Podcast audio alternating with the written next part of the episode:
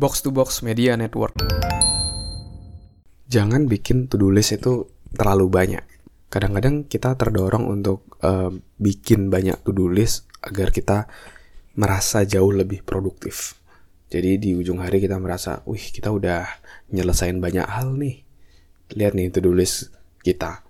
Banyak banget dan udah banyak yang dicoret, udah banyak yang selesai.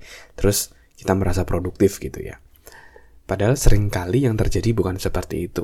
Seringkali yang terjadi adalah ketika kita fokus banyak-banyakan to-do list, kita cenderung menulis hal-hal kecil yang mungkin remeh-temeh yang yang penting adalah ada aktivitas di list kita yang sudah selesai. Jadi fokusnya bukan pada apa yang esensial, apa yang penting, apa yang kalau saya kerjakan berdampak besar, tapi justru fokusnya banyak-banyakan list yang dicoret.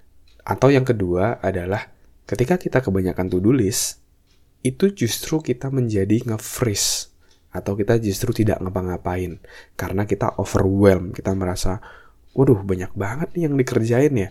Akhirnya nggak ngapa-ngapain. Mungkin kamu pernah ngerasain juga tuh ketika, wih excited nih ya misalnya hari sebelumnya, wih saya harus achieve banyak hal, saya harus ngelakuin banyak hal A, B, C, D, E, F, G sampai Z gitu ya pas keesokan harinya ketika mau ngejalanin bingung. Wah dari mana dulu ya? Waduh banyak banget ya. Akhirnya justru males dan nggak ngapa-ngapain gitu ya. Kalau kamu pernah ngerasain hal seperti itu saya pun juga pernah gitu ya. Pulang kerja gitu saya ingin jauh lebih produktif, saya bikin list, ada 10 yang mau saya kerjakan sepulang kerja, tapi energi saya sudah nggak ada, sudah habis lah ya buat kerja di kantor nyelesain tugas-tugas kantor. Dan ketika mau mengerjakan itu waduh banyak banget akhirnya malah nggak ngapa-ngapain. Tapi sebaliknya ketika saya membatasi to-do list saya misalnya di kantor udah oke okay, to-do list tiga to-do list penting sudah selesai. Terus pulang masih ada waktu nah itu saya ngasih satu atau dua to-do list yang mau saya kerjakan itu masih jauh lebih terdorong untuk menyelesaikan jauh lebih semangat dan akhirnya bisa selesai daripada kebanyakan to-do list terus nggak ngapa-ngapain.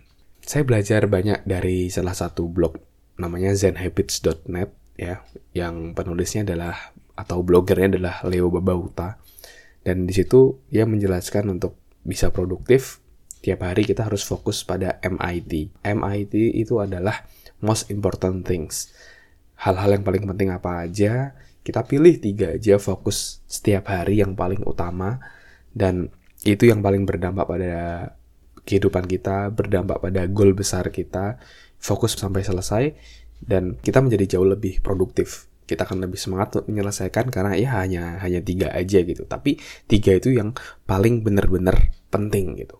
Jadi setiap hari uh, saya menuliskan tiga apa yang paling penting, tiga apa yang paling penting. Itu yang itu yang menjadi fokus saya dan bayangin kalau setiap hari kita menyelesaikan tiga gitu ya dalam 30 hari atau sebulan itu kita udah menyelesaikan 90 hal penting.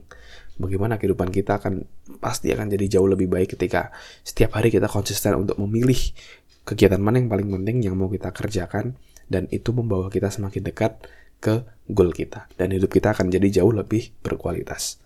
Jadi setiap hari miliki tiga hal yang paling penting dan fokus di sana. Boleh nggak kalau nambah? Boleh kayak uh, tadi yang saya ceritakan. Misalnya ketika sudah selesai bekerja, tiga itu sudah selesai, boleh nambah satu atau dua yang mau dikerjakan, it's okay kayak gitu ya. Tapi yang paling penting jangan mengerjakan hal lain sebelum tiga hal tadi selesai. Oke? Okay? Kecuali memang ada hal yang urgent ya yang harus dikerjakan tapi kalau selama belum ada hal yang urgent mendesak banget fokus pada tiga hal itu buat prioritas blok waktu Anda untuk menyelesaikan sehingga teman-teman bisa menyelesaikan hal-hal yang paling penting dalam hidup teman-teman. Oke. Okay?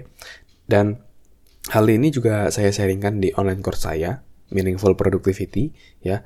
Kamu bisa pelajari di online course saya Meaningful Productivity tentang MIT ini, tentang bagaimana membuat limit, bagaimana merencanakan minggu Anda agar Anda semakin produktif, silahkan klik link di bio gitu ya. Kalau kamu mau belajar uh, lebih lanjut, kamu bisa klik link di bio. Oke, okay. mungkin itu dulu sharing hari ini. Semoga bisa bermanfaat dan menginspirasi, bantu teman-teman untuk jadi jauh lebih produktif. Dan kalau kamu ada pertanyaan terkait produktivitas, terkait kehidupan, karir, pengembangan diri dan apa pun itu, kamu bisa DM saya di Instagram di @andreasbordes. Kamu bisa tanya di sana dan pertanyaan kamu akan saya jawab melalui podcast. Oke, okay? thank you teman-teman yang udah mendengarkan episode kali ini. Semoga bermanfaat. Sukses selalu and keep healthy.